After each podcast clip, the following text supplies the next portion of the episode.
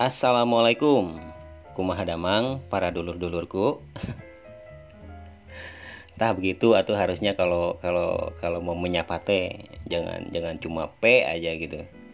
Lagian apa sih artinya P teh gitu? Kenapa harus P gitu? Kenapa nggak A, J, I atau G gitu? kalau disatuin jadi ajing gitu.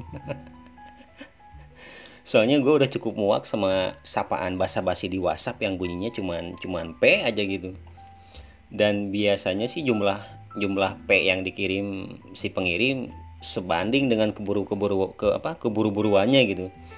Kalau misalnya P-nya cuma satu biasanya cuma pengen ngetes aja gitu ini ini nomor aktif apa atau enggak gitu.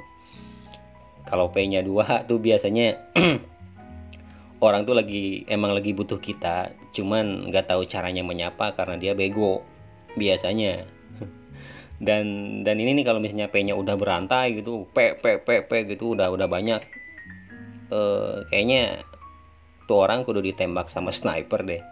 Dan terus mayatnya dibuang ke ke sungai kalau nggak dikubur di gurun pasir sekalian. Dah, lu kayaknya setuju sama pendapat gua kalau menyapa orang dengan huruf P itu sangat-sangat menyebalkan sih walaupun cuma teks aja tapi sangat mengganggu gitu kan biasanya sih kalau udah dapat sapaan sialan kayak gitu ini kalau gua ya boro-boro pengen buka whatsappnya anjir. Pengennya gua santet langsung orangnya. Asli nah. Tingkat tingkat kekesalan gua kalau ada yang whatsapp kayak gitu sama kayak kalau gua lihat ada yang pakai motor atau pakai mobil sambil ngerokok di jalan. Sama tuh tingkat keselnya kayak gitu tuh udah bad mood aja pasti seharian. Soalnya gue ngerasa sapaan model kayak gitu nggak sopan bro. Ibaratnya nih ibaratnya lo lagi di jalan gitu. Terus e, ketemu sama seseorang yang lo kenal. Terus dia nyapa lo tapi pakai kata heh gitu. Kira-kira lu bakal enak gak digituin? Kayaknya enggak kan? Ya masih mending kalau misalnya lu kenal kan eh, sama ini orang. Ini kalau nggak kenal man kita misalnya nih lagi lagi lagi lagi jalan gitu di di di jalan gitu. Terus ada orang yang yang pengen kenal sama kita atau sekedar manggil gitu. Tapi nyapanya tuh pakai kata heh gitu. Heh. Gue mau poro apa boro-boro pengen nengok denger aja nggak ikhlas gue ya gitulah pokoknya menurut gue itu nggak sopan sih. Apalagi kan di negara kita tercinta ini budayanya kan budaya permisi ya kan? Jadi biasakanlah pakai kalimat yang yang pantas gitu yang biasanya orang berada pakai. Kalau lo tahu dia muslim ya lebih bagus pakai kata salam gitu. Kalau lo baru kenal ya alangkah baiknya nih lo pakai kalimat e, maaf gitu atau atau gimana kek yang yang yang berbentuk kalimat sapaan gitu bukan cuman cuman huruf P doang. Biasanya sih bocah dah nu yang suka pakai kata apa pakai nyapa orang pakai begitu ante bocah-bocah yang umurnya nanggung nih kayak SMP SD SD enggak sih jarang. Paling SMP SMA gitu kalau enggak orang yang orang-orang tua telat yang baru kenal sosmed. Biasanya sih.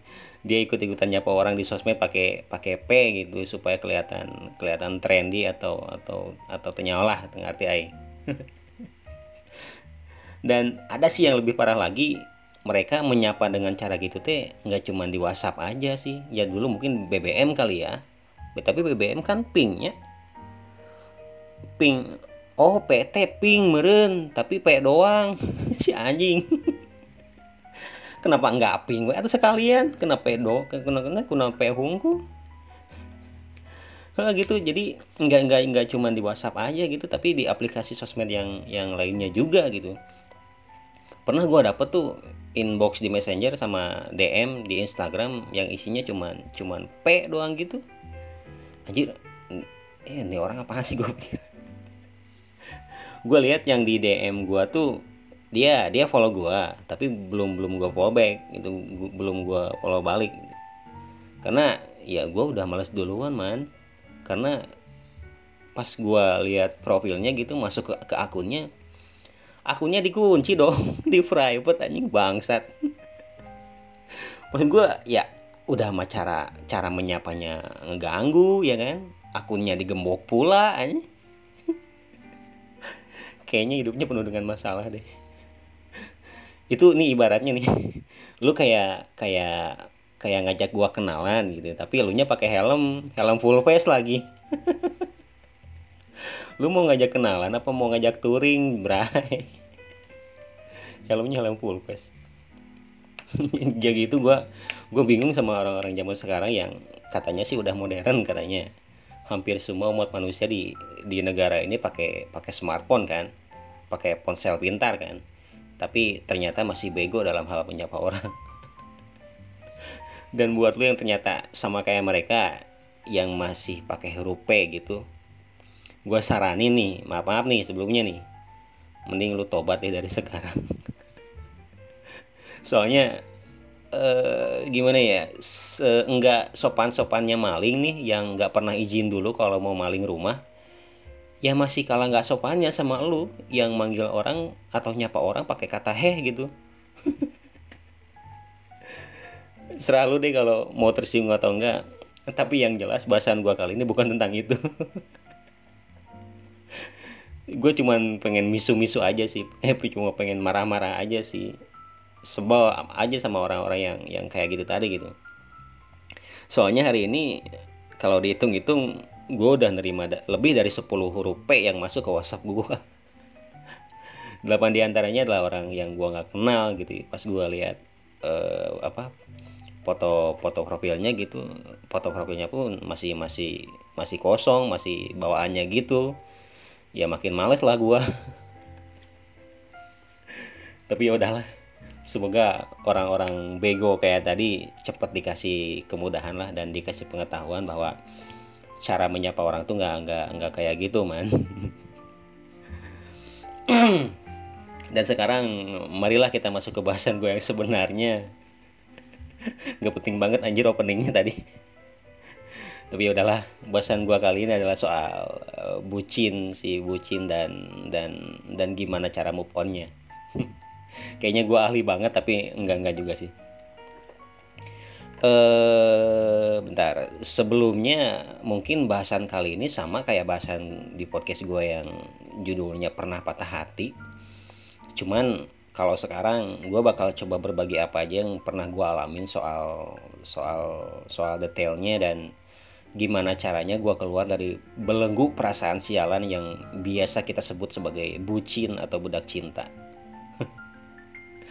Bucin kayaknya lebih pantas disebut penyakit kayaknya ya. Penyakit bucin. Penyakit yang bisa bikin si pengidapnya tuh jatuh sakit sampai sesakit-sakitnya anjir. Itu kenapa gue bilang perasaan bucin tuh perasaan sialan. Cuman bingungnya kebanyakan orang yang sedang lagi di mabuk asmara dan sedang berada di dalam puncak perasaannya gitu itu nggak mau ngakuin atau atau mungkin malah nggak sadar kalau kalau dia tuh udah udah jadi atau bisa disebut bucin. Soalnya kan ya ya yang namanya orang lagi jatuh cinta ya kan biasanya mau aja gitu ngelakuin hal-hal yang kadang di luar nalar manusia normal buat buat ya buat ngebelain perasaannya itu buat pasangannya. Kalau kalau lagi jatuh cinta nih entah itu udah jadian atau belum yang pasti yang terlihat sama mereka tuh ya hal-hal bagusnya aja soal pasangannya. Pengen apa gitu diturutin pengen ini pengen itu di, dibeliin juga gitu. Pengen main ke mana ya ditemenin juga. Padahal biasanya nih apalagi untuk untuk anak-anak yang usianya nanggung nih yang masih sekolah pasti lagi bokeh-bokehnya ya kan tapi nggak mau tahu. Yang penting dia pengen ya kelihatan kelihatan niat banget buat nyenengin pasangannya gitu pun ketika lu di dalam apa sedang berada dalam kondisi di mana lu lagi ada masalah sama pasangan lu lu yang ngerasa cinta banget sama pasangan lu kadang rela juga kan ngelakuin apa aja buat mempertahankan hubungan kalian. Padahal sebenarnya uh, lu tuh tahu hubungan lu udah nggak bisa diapa-apain udah nggak tertolong lah biasanya. Tapi karena lu udah mentok cinta banget sama dia lu nggak ngelihat realita itu. Kenyataan bahwa kondisi hubungan lu sama dia udah harus udahan dan gue lah apa dan lu nggak terima itu. Nah yang mau gua bahas adalah segimana parahnya sih orang-orang yang udah kejebak sama perasaannya sendiri ketika ketika orang itu udah tahu dan udah sadar bahwa dia tuh sama pasangannya lagi nggak baik-baik aja dan nggak bakal baik-baik aja. Ya kita nggak usah tahu lah segimana menjijikannya seseorang kalau lihat kalau dia lagi ada di posisi yang sedang bahagia bahagianya sama pasangannya. Ya karena emang umur hubungannya masih baru jadi boroknya belum kelihatan. Jadi dalam kondisi se, se apa ya seburuk apa pun kalau hubungan kalian masih baru tuh masih hitungan hari biasanya sih nggak ada hal yang nggak ada hal buruk yang terjadi sih karena karena kalian masih jaim belum mau ngeliatin apa pun keburukan dan kekurangan kalian. Jadi pada saat itu kalian ngerasa hubungan kalian tuh sempurna banget dan kalian bahagia. Eh maksud gue ini gue lagi ngomongin hubungan yang konteksnya masih pacaran ya.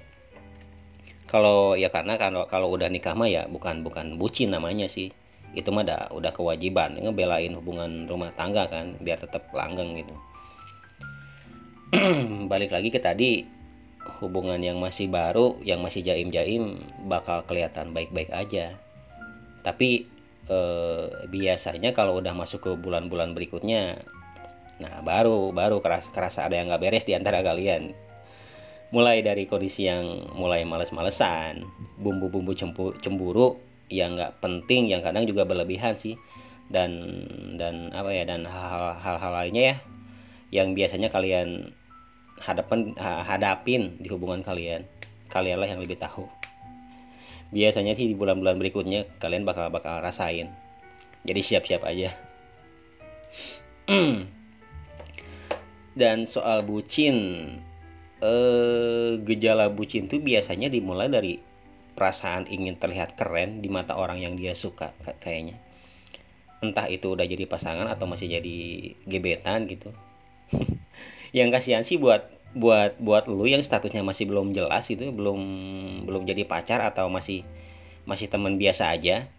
Jadi baru sekedar pendekatan nih tapi udah habis-habisan ngelakuin apa pun buat buat orang yang lu suka. Tapi ternyata eh, masih dianggap temen udah mati-matian tapi belum bisa keluar dari apa ya disebutnya ya belum bisa keluar dari friend zone gitu. Itu eh, kasusnya entah orang yang lu suka itu emang belum mau jadi pacar atau emang lu nya aja yang kegeeran sama sikap sikapnya yang baik ke lu gitu.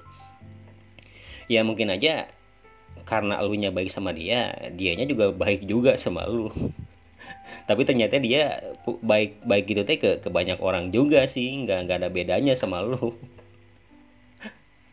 Jadi lu cuman terjebak sama perasaan lu sendiri yang yang ngira kalau dia juga suka sama lu. Karena ya karena lu nggak pernah nunjukin kalau kalau lu tuh suka sama dia atau atau sayang sama dia gitu kan. Uh, gua rasa sih biasanya yang sering ngalamin hal yang kayak gini kaum cowok deh biasanya yang jadi korban PHP kayak gini. Soalnya gue juga pernah sih sering malah. Tapi itu dulu waktu gue masih bego ya kan. Ya sekarang mah ya tuh ya masih bego maksudnya. Eh uh, iya beneran kayaknya biasanya cowok tuh yang suka jadi korban beginian. Karena ya nggak tahu kenapa ya kita para para apa para kaum cowok kalau misalnya udah suka sama satu cewek dan ternyata cewek itu juga ngasih respon positif sama kita kita jadi terangsang aja gitu. Oh bukan terangsang vulgar aja terangsang. Maksudnya kita jadi terpancing aja gitu buat ngelakuin hal-hal yang menurut kita keren di mata dia gitu. Ya ya pada dasarnya sih emang emang bersikap keren di depan cewek emang harus kan. Tapi pada saat itu kita punya maksud lain e, tadinya kita udah nyangka kan bahwa cewek itu suka sama kita. Jadi malah malah jadi suka terkadang berlebihan kalau bersikap di depan mereka. Jadi suka so cool gitu. Yang tadinya pecicilan di, di tongkrongan pas ada cewek itu mendadak jadi diem gitu dan nggak mau kelihatan terlalu nyablak lah gitu. Padahal masih cewek juga belum tentu lihat kita terus belum lagi kalau misalnya udah mulai dekat dan mulai menjalin komunikasi gitu itu lebih menjijikan lagi sih gua rasa. Udah tukeran nomor HP gitu nomor WhatsApp lah kalau zaman sekarang.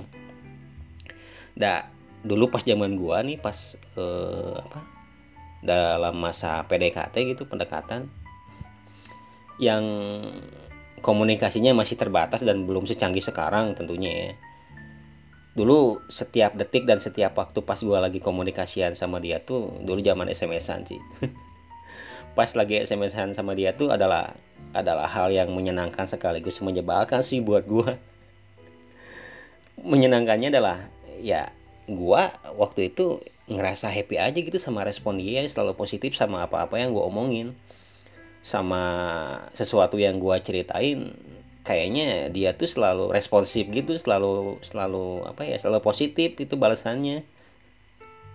Dan menyebalkannya adalah kadang komunikasi lewat teks tuh nggak sehappy pas ketemu beneran gitu kan ya. Jadi pas begitu di kalau chatting zaman sekarang wah kayak yang kayak yang apa ya kayak yang bagus gitu responnya kayak yang positif. Tapi pas begitu ketemu lah malah jadi jual jual apa jual mahal gitu tuh cewek. Jadi beda gitu eh bucin bucin bucin. Sebenarnya sih gue nggak terlalu ngerti kapan dan dalam kondisi seperti apa sampai seseorang itu bisa bisa apa ya bisa sah untuk disebut bucin. Cuman yang gue rasain dulu adalah ketika gue bener-bener nggak bisa lepas dari dia dan gue sampai ngelakuin sesuatu hal yang yang bahkan nggak pernah terlintas di benak gue sendiri dan itu demi dia saat itulah gue ngerasa kalau gue udah diperbudak sama perasaan gue sendiri man. Ya waktu itu istilah bucin emang belum ada. Jadi yang gue sadarin waktu itu adalah eh, gimana caranya biar biar biar gue tetap sama pasangan gue dan gimana caranya biar pasangan gue ini tetap nyaman dan seneng sama gue ya yang namanya juga waktu itu masih bego ya kan gue rea, apa rela aja gitu ngelakuin sesuatu yang malah dia sendiri juga nggak minta buat gue ngelakuinnya gitu. Jadi gue lebih ke inisiatif aja sih gitu maksudnya. Dan akhirnya belakangan gue tahu kalau ternyata dia nggak ngarepin gue buat buat berbuat sesuatu yang sangat jauh sampai malah bikin dia nggak nyaman gitu karena dia ngerasa nggak enak sama gue jadi jatuhnya dia malah malah jadi kasihan sama gue bukannya tambah sayang. Dan waktu itu gue senang-senang aja gitu dapat dapat apa dapat rasa iba dapat dari apa dapat rasa kasihan dari dia gitu. Ya emang dasar dulu gue bego kan bego banget kayaknya. Dikasihanin orang gue malah seneng aja. Dan dan mungkin situasi itu juga sempat terjadi juga sama lu sih kayak gua yang tadi gitu lu yang niatnya cuman pengen pengen dapetin perhatian dari dia sampai lu rela dan maksain ngelakuin hal-hal yang bukan lu banget sebenarnya. Dan pas lu udah ngelakuinnya lu seneng aja gitu dia ngucapin terima kasih gitu sambil sambil senyum manis gitu. Ini ini gua gua apa gua kasih tahu ya sebenarnya ada rasa iba di balik ucapan terima kasih dia. Dan dan di balik senyuman tuh dia mungkin ngerasa nggak nyaman juga sih sama sesuatu yang yang baru lo lakuin secara terpaksa.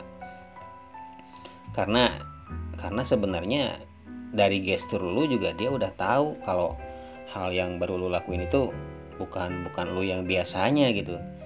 Jadi kayak kayak yang gua tadi alamin men yang lu dapetin bukan rasa nyaman dari dia yang bakal bikin hubungan lu tetap adem gitu tapi ya rasa kasihan dari dia mah ya lu tinggal milih mana sih? Milih disayangin apa dikasihanin? Dan ini berlaku buat buat cewek atau cowok kayaknya. Yang sekarang apa yang sekarang lagi berada dalam hubungan yang udah lumayan lama gitu. Dan di hubungan itu lu posisinya sebagai orang yang yang ngerasa bertanggung jawab untuk mempertahankan hubungan kalian tapi pertanyaan dasarnya adalah kenapa kenapa lu pengen hubungan lu itu terus bertahan? Dan dan kenapa juga lu ngerasa bahwa hanya lu yang harus bertanggung apa bertanggung jawab atas hubungan lu sama dia? Mungkin mungkin jawabannya lu pengen hubungan lu sama dia tuh langgeng sampai ke pernikahan gitu. Itu bagus sih. Dan kenapa lu ngerasa hanya lu yang bertanggung jawab sama hubungan lu ya mungkin karena lu pengen kelihatan men apa menonjol di hadapan pasangan lu. E, maksud gua tanggung jawab di sini konteksnya adalah soal mempertahankan hubungan lu sama dia yang udah lama dan sekarang lagi berada dalam fase-fase membosankan karena udah kelamaan aja pacarannya. Jadi lu ngerasa pengen apa pengen bawa hubungan kalian ke apa ke tingkat yang lebih serius. Sementara lu nya belum siap secara materi dan dan yang lainnya gitu tapi jadi jadi maksudnya lu ngerasa wajib banget bikin pasangan lu tetap nyaman sama lu gitu maksud gua. Dan di sini gua pengen nyadarin apa pengen menyadarkan lu bahwa bikin dia nyaman atau bikin pasangan lu nyaman tuh itu harusnya juga tulus juga dari lu nyaman. Jangan maksain juga gitu maksud gua. Soalnya ya kayak tadi gitu pasti kelihatan banget sih sama dia. Pas pas lo lagi ngelakuin sesuatu demi dia tapi ternyata di balik perbuatan lo lo nya itu terlalu maksain itu bakal kelihatan banget. Kayak kayak kasus temen gua sih ini gua cerita aja dikit ya. Gua gua punya teman tuh dia dia dia cowok dan punya cewek gitu. Ceweknya pun gua kenal jadi bisa dibilang mereka tuh temen gua juga. Nah mereka pacaran udah udah udah lama sekitar tiga tahun atau empat tahunan lah pokoknya lama lama lama pisan lah. Sampai mereka berada di titik jenuh mereka. Seenggaknya itu sih yang gue tahu dari curhatan mereka ke gue e, maksudnya nggak nggak barengan curhatnya tapi secara terpisah gitu mereka suka curhat sama gue soal hubungan mereka. Ini gue buka aja ya karena mereka yang gue maksud tuh sekarang udah nggak tau nggak nggak tahu ke mana sih. Udah udah udah hilang kontak juga sama gue dulu tuh hampir tiap hari sih mereka curhat gitu sama gue uh, yang cewek curhatnya tentang tentang dia yang udah mulai bosen sama cowoknya. Terus yang cowok curhatnya soal soal ceweknya yang udah mulai susah diajak komunikasi katanya. Entah itu cuman buat diajak jalan atau diajak ketemuan. Ya katanya sih si cowok ini takut kalau ceweknya ceweknya selingkuh gitu tapi yang gue tahu dari yang gue dengar dari si ceweknya si cewek ini justru lagi berusaha untuk gak sering ketemu dulu sama si cowoknya. Bukan untuk menghindar katanya tapi buat ngurangin rasa jenuh yang apa ya yang timbul akibat akibat mereka ketemunya itu keseringan katanya. Soalnya gue tahu dari cerita si cewek kalau dalam seharian itu dia lebih banyak ketemu sama cowoknya ketimbang sama keluarganya sendiri. Saking sering ketemunya tuh jadi setiap hari kalau dia mau berangkat kerja gitu ya dijemput gitu sama cowoknya. Pulangnya juga ya dianterin dijemput juga. Terus kalau siang nih lagi break makan gitu makan siang si cowoknya pun datang buat ngajakin makan siang di luar gitu. Terus belum lagi kalau weekend nih si ceweknya ini kan kerja di kantor multi finance itulah yang kalau Sabtu tetap masuk tapi setengah hari artinya dia bisa pulang jam 12 atau jam 1 siang lah. Nah pas udah jam-jamnya dia pulang siang tuh si cowoknya tuh udah standby gitu di, kan di depan kantornya buat ngajakin dia jalan gitu. Belum lagi kalau malam nyaman. Si cowoknya pun itu pasti pasti ngajakin malam mingguan itu.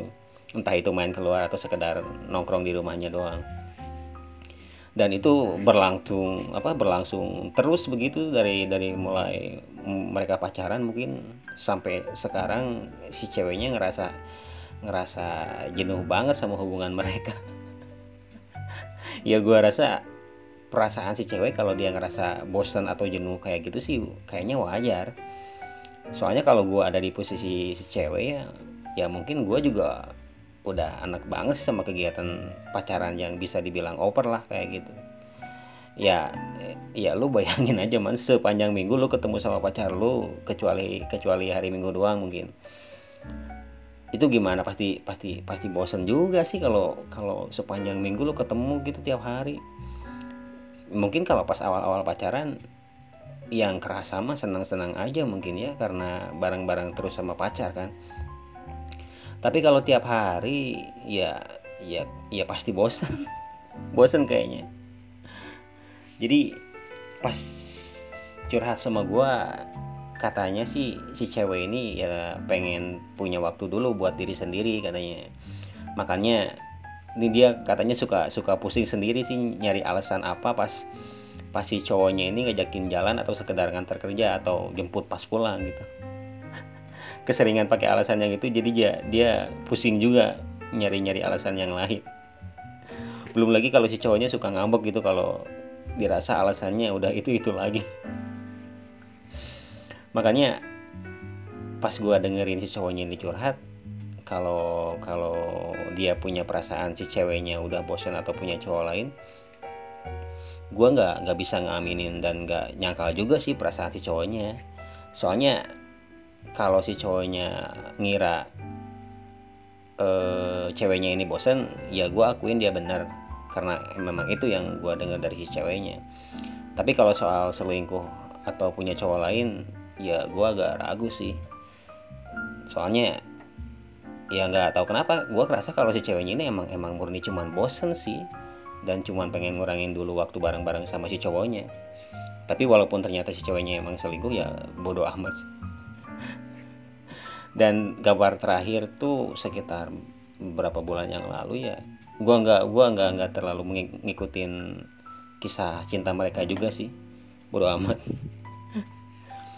Nah yang mau gua tekankan adalah eh lu yang sering sering menuntut waktu ketemu atau bareng-bareng sama pacar lu itu juga nggak bagus sih kata gue bisa bikin pasangan lu bosan atau atau jenuh juga kayak tadi soalnya ya sebaik-baiknya lu secakep-cakepnya lu kalau lu terlalu oper dan gak bisa ngendaliin waktu ketemu lu sama dia ya nggak baik juga sih. Jadi eh buat lu yang pengennya bareng-bareng terus sama pasangan lu gua saranin mulailah dari sekarang buat mengatur lebih bijak waktu ke, ke apa waktu ketemuan kalian. Karena ya bisa aja lu atau dia yang ngerasa jenuh gitu ta dan kalau udah jenuh gitu biasanya sih pelariannya ke yang lain sih. Kan kan lu juga nanti yang bakal sakit hati kalau ternyata pasangan lu udah terlanjur ngerasa jenuh sama lu dan dia nyari kenyamanan lain di luar sana. Lagian kan lu sama dia kan masih masih sebatas pacaran lah. Barang-barang terus juga gak baik hei uh, gua nggak tahu sih omongan gua dari awal sampai ke sini masih masih relevan gak sih soal bucin soalnya gua ngerasa udah udah apa ya udah malah makin ngelantur gitu. Dan eh uh, aduh dulu apa nih? Bentar bentar bentar. Uh, oh iya iya iya iya ya. bucin bucin. Dan gue juga ngerasa kayaknya nggak ada nggak ada batasan soal usia deh kalau untuk urusan perbucinan siapa pun lu yang sekarang lagi berada dalam situasi hubungan yang sekiranya membutuhkan waktu dan pikiran yang yang ekstra keras gitu. Dan kalau sikap lu masih masih kelimpungan nggak jelas dan kadang juga ngelakuin sesuatu yang di luar batas wajar ya lu masih bisa disebut bucin kayaknya. Contohnya gue deh nggak usah jauh-jauh. Di umur gue yang sekarang kayaknya nggak menutup kemungkinan sih gue bisa ngehindar dari aktivitas menyebalkan ini. Beberapa bulan ke belakang gue kayaknya masih bisa disebut bucin sih. Bucin parah malah. Jadi eh, terakhir gue pernah pernah punya satu cewek. Iyalah satu cewek lah. Nggak tahu diri banget gue punya banyak cewek. Gue pacaran sama dia lumayan lama sih sekitar satu tahun lebih lah hampir dua tahunan kalau nggak salah di rentang waktu selama itu gue sama dia ngalamin yang namanya putus nyambung gitu. Ya entah karena apa sih gue juga nggak tahu. Mungkin karena gue bego sih. Ya kalau misalnya udah putus mah ya putus ya ya kan? Nggak usah nggak usah balik lagi. Ya. Tapi uh, ya karena tadi gue bilang gue ini bego ya kan gue mau aja gitu balikan sama sama dia sama cewek ini nih. Ya karena emang gue akuin gue gue juga masih sayang sama dia. Walaupun gue tahu masalah yang gue alamin sama dia tuh hampir pasti kejadian lagi sih nantinya. Dan waktu itu gue pikir ya nggak apa-apa lah. Orang-orang bisa berubah ya kan? Tapi ternyata enggak man. Nggak semua nggak semua nggak semua orang tuh bisa berubah. Sekalian sekalian gue kasih tahu sama lu kalau lu ketemu sama orang yang yang pernah bikin kesalahan yang bikin feeling lu tuh luntur sama dia mendingan buru-buru jauhin deh. Apalagi konteksnya kalau dia pasangan lu. Cepet-cepet leh ambil ambil sikap kalau lu nggak bakal mungkin lagi balikan sama dia. Ini gue ngomong bukan bermaksud ofensif ya sorry sorry nih. Tapi gue rasa dari sekian banyak pengalaman gue kemarin kayaknya layak dijadiin acuan kalau kalau gue punya opini nggak nggak semua orang bisa berubah. Dan dulu waktu gue mau balikan lagi tuh ya gue dengan polosnya masuk lagi apa terjebak lagi ke rayuannya gitu. Dia yang dengan tulus nunjukin itikat baiknya sama gue ya gue gampang aja gitu balikan sama dia karena gue kan gak tegaan orangnya. Terus dalam hubungan gue sama dia itu gue rasa sih yang paling banyak ngabisin waktu tenaga dan tentunya uang adalah gue sih. Ya wajar aja sih yang namanya cowok kan effortnya harus lebih banyak sih dari cewek kan. Tapi ternyata belakangan gue sadar kalau semua yang gue perjuangin itu ternyata buat hal yang semu man. Buat hal yang kosong. Singkatnya sih ya dia pergi gitu aja gitu tanpa ngasih gue alasan apa-apa boro-boro minta maaf sama gue ternyata terakhir gue telepon dia tuh ada kali sampai sampai 20 kali lah. Nggak ada yang diangkat. Gue males sih sebenarnya kalau mesti cerita lagi ini. Tapi dari semua pengalaman soal percintaan gue yang nggak menarik menarik amat buat lo semua pengalaman yang terakhir ini sih yang bikin gue sadar kalau nggak seharusnya sih gue habis-habisan sama yang namanya pasangan apalagi kalau cuman sebatas pacar gitu dah. Dan gue juga mau ngingetin buat kalian kalau sekiranya sekarang kalian berada dalam kondisi hubungan yang lagi nggak baik-baik aja dan kalian udah mulai ngerasa capek ya mending akhirin dari sekarang sih. Karena gue ngerasa akan terasa sangat disayangkan kalau lu ngabisin waktu dan tenaga hanya untuk hal yang bikin lu pusing dan capek sih dan lu juga nggak mau kan ngabisin waktu buat uh, buat orang yang salah gitu. Uh, dan di sini kayaknya lu mesti percaya sama pepatah klasik sih yang bilang jodoh tuh nggak bakal ke mana. Kalau lu udah ngerasa terlanjur sayang sama dia tapi sekarang hubungan kalian sedang berada di dalam di ujung tanduk daripada kalian memunafikan diri dan menjalani hubungan yang saling membohongi membohongi diri masing-masing mendingan lepasin aja sih. Nggak usah maksain sesuatu yang sebenarnya lu sendiri udah mentok banget nggak tahu mesti ngapain. Kayak gua juga waktu itu bener-bener mentok kayak gitu sih. Bingung nggak tahu mesti ngapain sih. Di saat gua ngerasa galau karena nggak ada keputusan apa pun dari dia sementara gua juga udah terlanjur punya niat serius sama si sama si bangsat ini gua nggak gua nggak tahu mesti ngapain saat itu. Sebenarnya sih gue bisa aja datang gitu ke rumahnya dan memperjelas hubungan kami. Tapi gue gua ngerasa nggak nggak sampai nggak sampai harus segitunya sih. Karena ya sebenarnya ini cuman cuman urusan sepele sebenarnya. Urusan hati dan perasaan yang sebenarnya gue bikin sendiri gitu. Dan eh, sebenarnya sih pas pacaran sama dia pas pacaran lagi sama dia gitu ya gue gua punya dua pilihan sebenarnya. Pilihan pertama gue nggak usah terlalu ambil hati dalam hubungan gue sama dia. Atau pilihan kedua gue percaya aja sama dia dan mulai berniat serius sama dia. Tapi seiring berjalannya waktu gue pacaran sama dia lagi ya gue nggak bisa nahan hasrat bahwa gue mau serius sama dia dan di situlah gue mulai dibego-begoin sama perasaan gue sendiri. Sampai akhirnya gue udah mulai ngakuin dan dan akhirnya berdamai sama diri sendiri bahwa hubungan gue sama dia nggak bisa diapa-apain lagi. Gitu. Dan di masa pemulihan gua gua melakukan banyak hal sih. Di samping gua emang sibuk sama kerjaan gua kan gua juga mulai lagi melakukan hobi-hobi gua yang kemarin jarang gua lakuin lagi dan gua juga lebih fokus sama keluarga gua. Karena karena kalau lu belum sadar kalau lu sebenarnya udah jadi bucin coba lu ingat-ingat lagi deh. Sebelum lu pacaran sama dia hal menyenangkan apa yang mulai jarang lu lakuin?